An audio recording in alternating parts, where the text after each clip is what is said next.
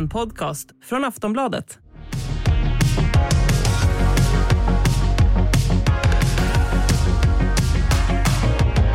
My och Lena, så fint att se er.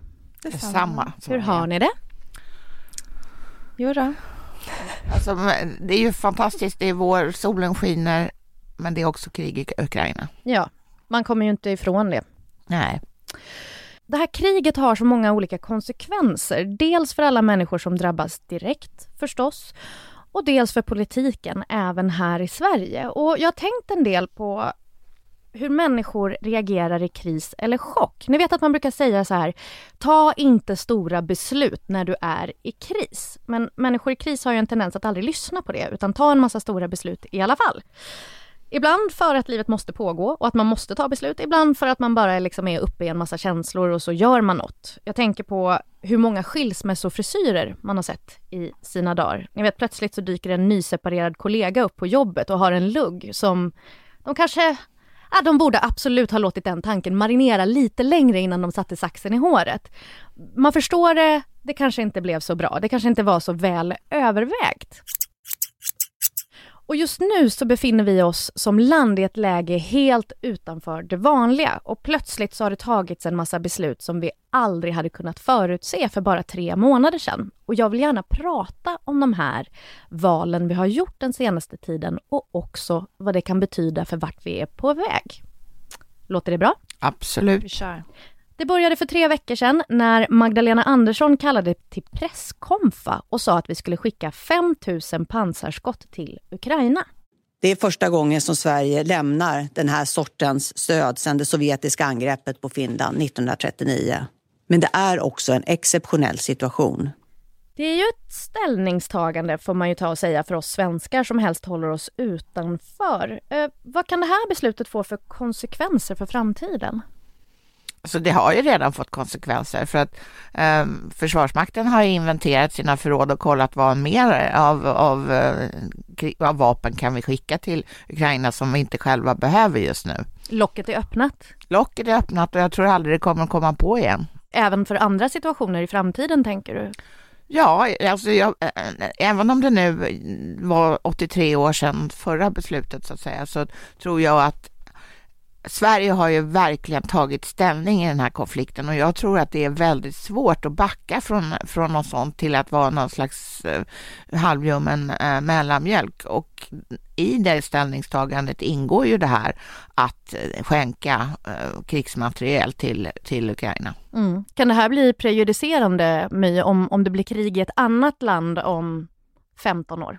Det beror lite på vad det är för annat land, för att jag tänker att det är en konsekvens av det här är väl också att vi har eh, omdefinierat vad vårt närområde är, alltså Mm. jämfört med 1939, att då var vårt närområde Norden, men nu är det inte det längre, utan nu är vårt närområde liksom Europa och EU, eh, och att det är EUs säkerhetspolitiska sfär som vi tillhör. Att det här kriget bekommer oss, för att vi tillhör samma liksom krets. Mm. Så att jag tror att det om man ska skicka vapen i framtiden så tror jag att mycket beror på var i så fall uppstår en konflikt. Upplever ni att det här var ett beslut som fick tillräcklig betänketid där man verkligen har hunnit överväga för och nackdelar och konsekvenser? Eller var det något av en skilsmässopermanent? Ett liksom snabbt beslut som man bara tog? Nej, Jag skulle säga skilsmässopermanent. Ja. Men å andra sidan så är det ju inte alltid så att snabba beslut är superdåliga, för det Nej. kan ju vara så att man när man, eh, så länge liksom man inte har kniven på strupen och eh, inte behöver fatta beslut så fattar man inget beslut. Det Och behöver sen- inte vara en ful permanent för att den är en- ett snabbt beslut. Nej, utan eh, det kan ju vara rätt ändå. Mhm. Hur mycket handlade det om grupptryck från de andra partierna och opinionen som gjorde att sossarna till slut sa vi gör det här, vi skickar ammunition, för först ville de ju inte det.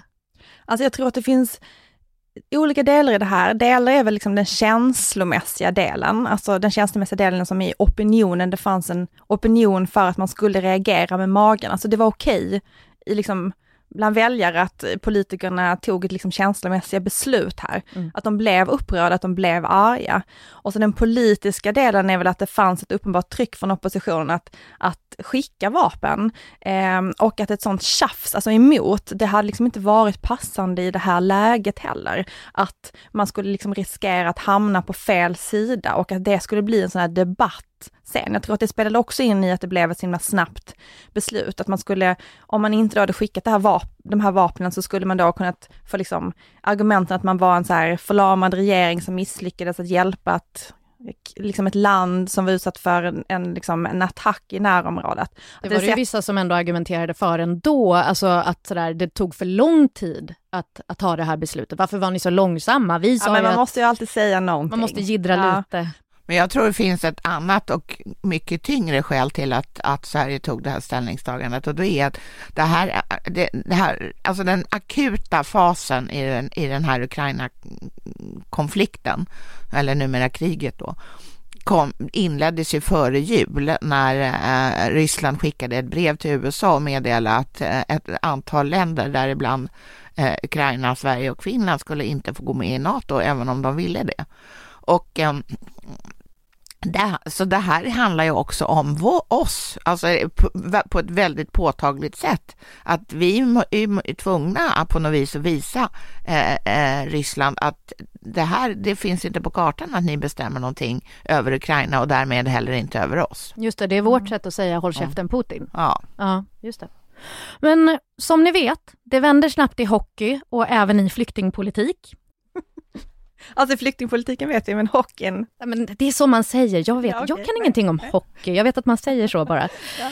Först var det så här att migrationsminister Ygeman i princip sa tack, det är bra. De närliggande länderna får bära det där med flyktingar. Eh, det är andra länders tur att ta hand om det där eftersom vi gjorde så mycket 2015. Men vips så ändrade sig alla partier och nu är det öppna armar. Varmt välkomna in gänget från Ukraina. Och ni har ju tidigare varit inne på att det här handlade om att opinionen vände och att det var därför partierna ändrade sig. Men vad är det som säger att politikerna inte ändrar sig en gång till, så som det blev 2015 när öppna hjärtan blev stängda gränser?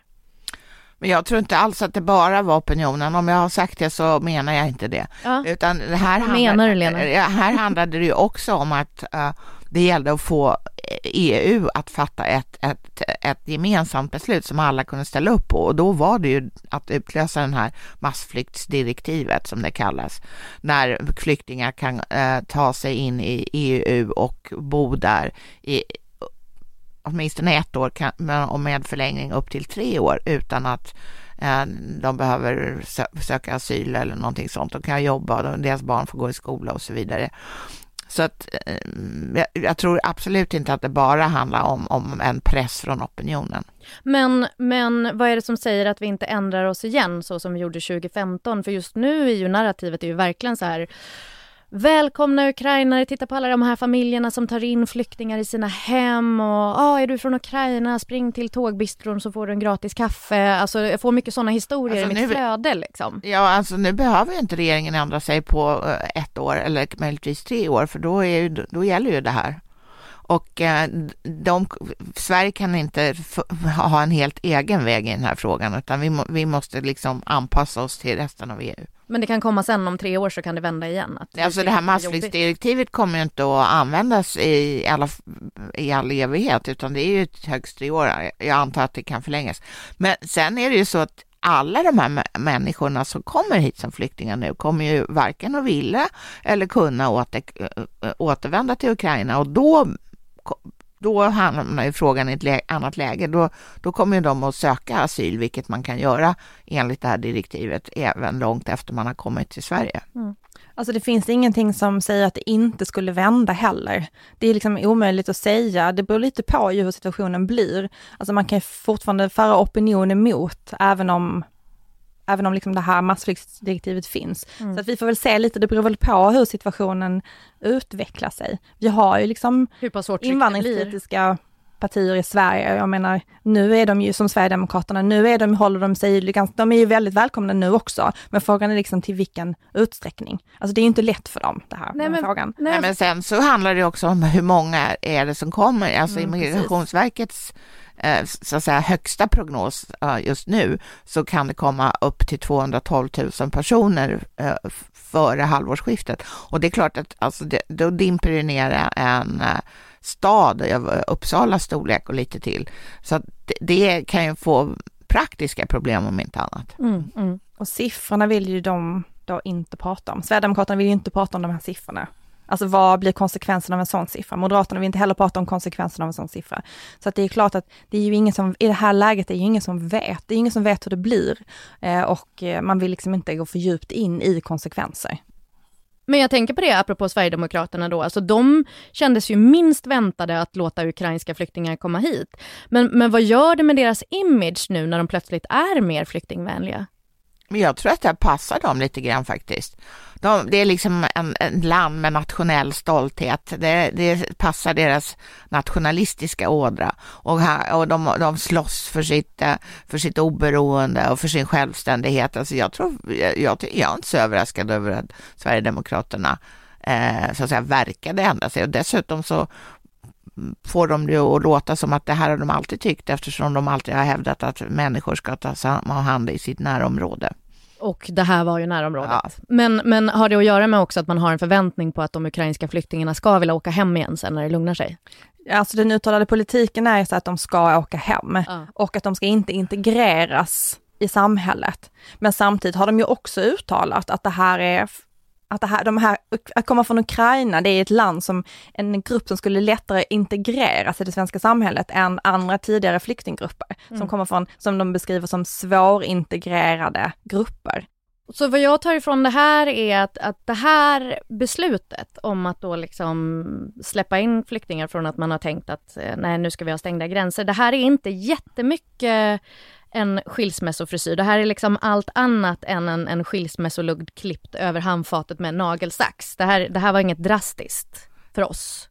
Alltså det gör det ju lite lättare kan man säga, för att det är ju inte så att man kan stänga gränserna. Människor som har rätt att få sina, sin, sin eh, begäran om asyl prövad. Och det, det även om, om vi numera har EUs snålaste bestämmelser på, på, på, för alla flyktingar utom de som kommer från Ukraina, så, så hade man inte kunnat bortse från det. Nej, nej. Mm. Det finns ju också ett intressant glapp i det här massflyktsdirektivet och det är ju att de som ansöker om asyl under den här, liksom under direktivet, de kommer inte att få det.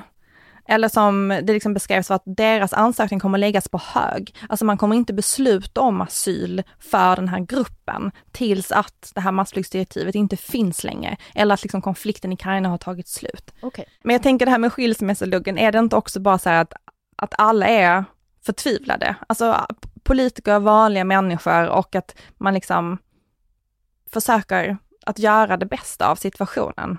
Också. Så är det ju, absolut. En annan grej som har hänt sedan kriget bröt ut för tre veckor sedan är ju att vi har börjat närma oss NATO. Och det här har vi ju snackat om en del här i podden. Men Lena, bara för den som har haft stora vaxproppar i öronen, kan du upprepa snabbt på vilket sätt vi har närmat oss NATO? Snabbt som att. Ja, det är på två sätt kan man säga. Det ena är att eh, regeringen har föreslagit att vår försvarsbudget ska uppgå till 2% av BNP och för närvarande ligger den på 1,3 Eh, men 2% är NATOs riktmärke. Man, man, man, vill att NATOs medlemmar använder så mycket av sina pengar till, till eh, försvaret.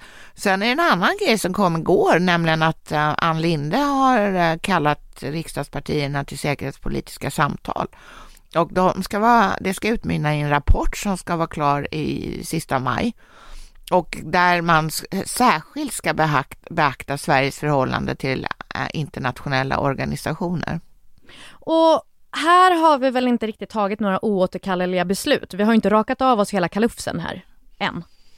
Nej, men det här åtagandet om 2 det får man nog ändå säga är, alltså det, det, det kommer, oavsett om man, om man så att säga rakar av huvudet eller, eller gör något annat så kommer det inte det går inte att backa ifrån. Det är någon som har rakat in en sån liten blixt i tinningen. Jaha, men vadå, kan man inte bara sänka den budgeten nästa gång? Eller nästa gång det är dags för budget? Nej, nej, nej, nej. alltså det här ska ju, för det första finns det inget ännu, något årtal sagt när det här löftet ska vara uppfyllt. Mm. Det kommer ju ta lång tid därför att eh, försvaret måste ju kunna använda de pengar de har. De måste kunna använda det till, peng, till utbildning av personal, anställa sannolikt fler, mer personal. De kommer dessutom behöva köpa vapen och just nu så kan man ju säga att efterfrågan på vapen är ganska stor. Så om man inte lägger in sin beställning nu så får man det inte om, förrän om jättelänge länge. Just det, okej, okay, okej. Okay. Så, för, för jag tänker också att när man lyssnar på alla de här argumenten för och emot att gå med i NATO, så jag tycker det mesta låter ganska rimligt. Så jag har lite svårt att veta vad man själv ska tycka för någonting, för alla är så bra på att argumentera. Så ni ska få hjälpa mig och lyssnarna med att berätta vilket det bästa argumentet är för att gå med i NATO och vilket som är det bästa för att inte gå med i NATO. Eh, Lena, Vem är vem? eh, Lena får eh, ge mig det bästa argumentet som du har hört för att gå med i NATO. Ja, det är ju försvarsgarantierna, alltså paragraf 5 i NATO-stadgan, som säger att medlemmarna alltid ska ställa upp för varandra.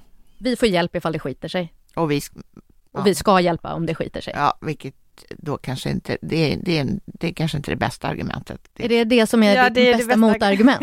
ja, exakt. Det är ju exakt, det är ju liksom andra sidan av myntet. Det är att man måste vara med och försvara andra länder om de blir attackerade på olika sätt. Men, men de här två procenten då som vi har ökat till, som du, du var inne på Lena, var ett av, eh, en av anledningarna till att vi har närmat oss NATO. Vad, hur tolkar ni det beslutet? Vad säger det om vår oro? Nej, jag tyckte att det var ett väldigt oroväckande besked. För att det säger ju att regeringen äh, snabbt nu, eller anser att läget är så prekärt att liksom så oerhört mycket mer pengar måste satsas på för- försvaret. Alltså det handlar om närmare 30-40 miljarder till jämfört med idag. Mm. Det är ju en säkerhetspolitisk signal man vill skicka ut, en stark sån. Så de här två procenten, eh, hur, mycket, hur mycket är det en frisörtid vi bokade i lugn och ro där vi bara skulle liksom ansa topparna och hur mycket är det en färgbomb vi hit- hittade på ICA Maxi som vi kletade i håret för att känna livet i oss lite? Alltså är det inte lite mer så här att den snygga killen på jobbet också är nyskild och du vet att han gillar färgstarkt hår? Eller? Är det inte lite mer så? Okej, vi så här, försöker liksom anpassa oss. NATO står ju där borta. Ja. Det är inte säger ingenting som säger att vi ska bli ihop, men om jag har det här färgstarka håret eller de här två procenten så är jag ändå lite mer attraktiv. Jag fattar precis vad om det skulle dyka upp. Jag vill ju bara säga också så här, är det inte bara jag som är skild här inne? Är det någon av er som är skilda? Nej, inte skild. Aldrig gift. Nej. nej, nej, nej, nej, jag bara undrar. Så du vet vad jag pratar om när jag säger skilsmässolugg? Är det det du försöker säga?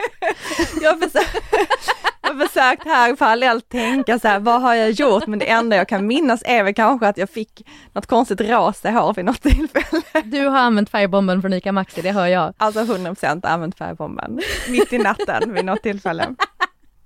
Empowerment. Ja. Sist men absolut inte minst uppseendeväckande är ju den här tusenlappen som presenterades av finansminister Mikael Damberg i veckan. Alla privatpersoner som äger en bil får en extra tusing i plånboken och de som bor i särskilda gles och landsbygdsområden får ett och fem. Och så här sa Damberg under presskonferensen. Eh, eftersom det läge vi har eh, just nu är konsekvenser av Rysslands invasion av Ukraina ser vi att nu behöver stötta konsumenter i det akuta skedet. Så att vi ska kunna fortsätta att ställa om även imorgon. My. Det här kompenserar väl inte så mycket. Alltså de här drivmedelspriserna som ni har förklarat så bra tidigare, de är ju skyhöga. För genomsnittsbilisten gör väl inte tusen spänn till eller från? Alltså nej, men det görs ju en del annat också. Ehm, och jag har, de här senaste dagarna har jag tänkt mycket på det här med att oppositionen fick igenom en sänkning på 50 öre i sin budget i höstas. Ja. Jag undrar hur besvikna de är för att det blev bara 50 öre. Det var ju inte så mycket, alltså nu sett i den här kontexten. Men alltså det är ju, det är det här med tillfälliga insatser. Alltså det är ju liksom en tillfällig sänkning av bensinskatten. Det är en tillfällig paus i reduktionsplikten, den ska utvärderas. Eh, man får ett sånt här bidrag, det äts ju upp ganska snabbt, både i plånboken liksom och i sinnet. Att man får kanske tusen spänn, 1500 om man bor på landsbygd. Det är ju inte så mycket kompensation, eller?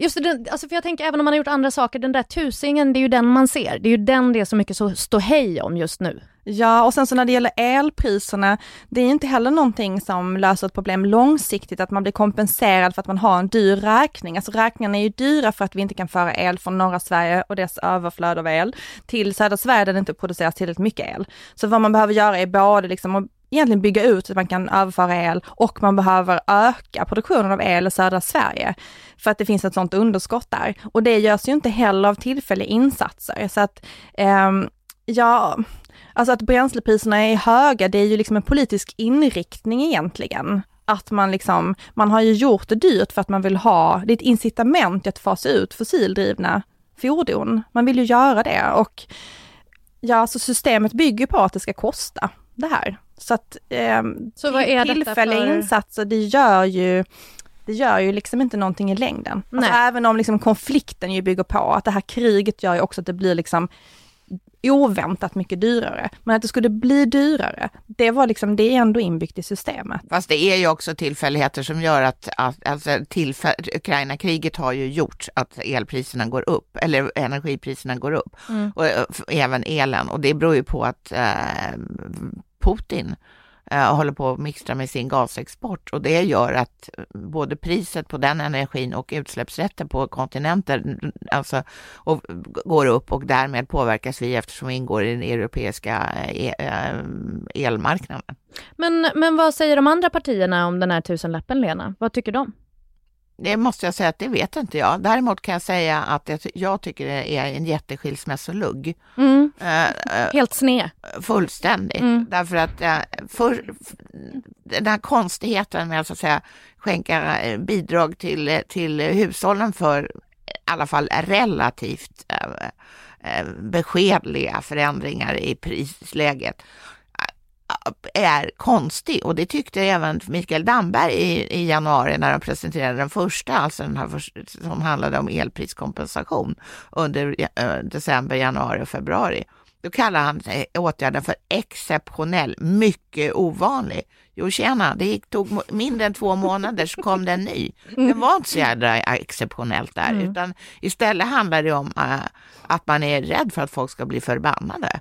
Och nu blev, det, nu blev de förbannade på den här tusenlappen till alla bilägare istället för att bli jätteglada för att det kommer en tusing singlande genom luften. Utan, och, ah, frågar, sig- folk frågar sig, "Va- varför ska jag ha en tusenlapp?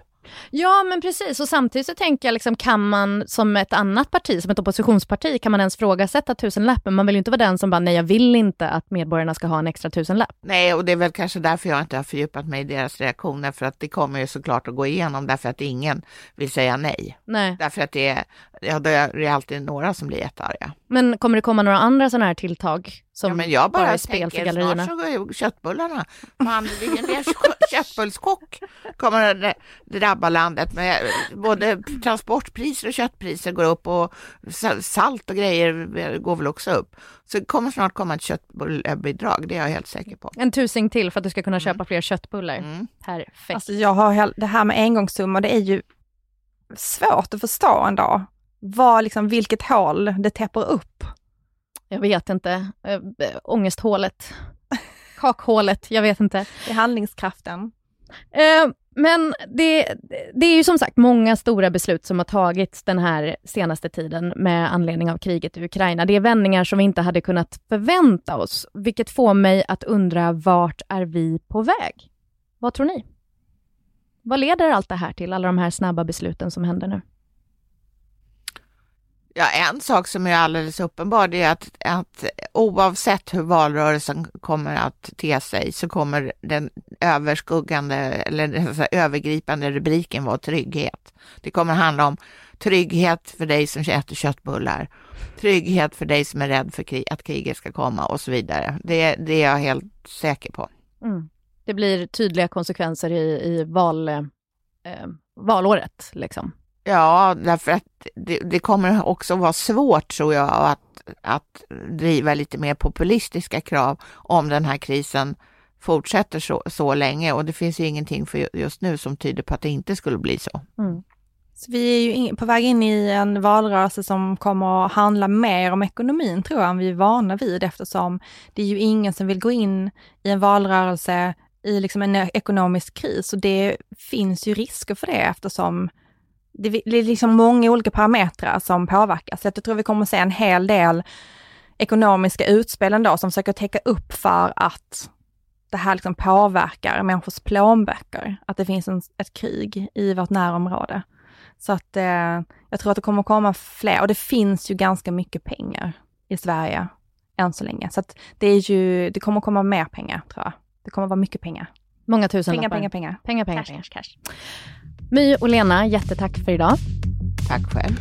En runda till är slut för den här gången. Vi är tillbaka nästa vecka igen och om ni har någonting särskilt som ni vill att My eller Lena ska svara på så kan ni mejla oss på podcast.aftonbladet.se. Vi tar även emot kärleksbrev på samma adress. Vi som har gjort programmet är producent Olivia Svensson, experter My Råväder och Lena Melin och jag heter Soraya Hashim. Ta hand om er. Hej hej!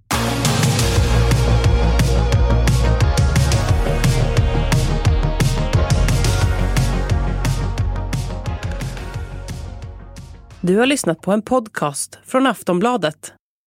Ansvarig utgivare är Lena K Samuelsson. Människan bakom monstret. Jag ville straffa dem för att de pratade med de vidriga killarna istället för mig.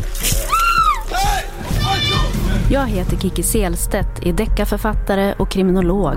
Och I den här poddserien tar jag mig in i huvudet på dem som kategoriseras som monster. Försöker förstå det logiska i det ologiska. Längre ner han sjunker desto mer desperat och aggressiv blir han. Han är en person där risktagande inte är något större problem. I can't wait to give you exactly what you deserve. Människan bakom monstret. En podd från Aftonbladet. Du hör den i Aftonbladets app och på Podmi. Hey, it's Danny Pellegrino from Everything Iconic. Ready to upgrade your style game without blowing your budget? Check out Quince. They've got all the good stuff shirts and polos, activewear, and fine leather goods, all at 50 to 80% less than other high end brands. And the best part? They're all about safe, ethical, and responsible manufacturing. Get that luxury vibe without the luxury price tag. Hit up quince.com slash upgrade for free shipping and 365 day returns on your next order. That's quince.com slash upgrade.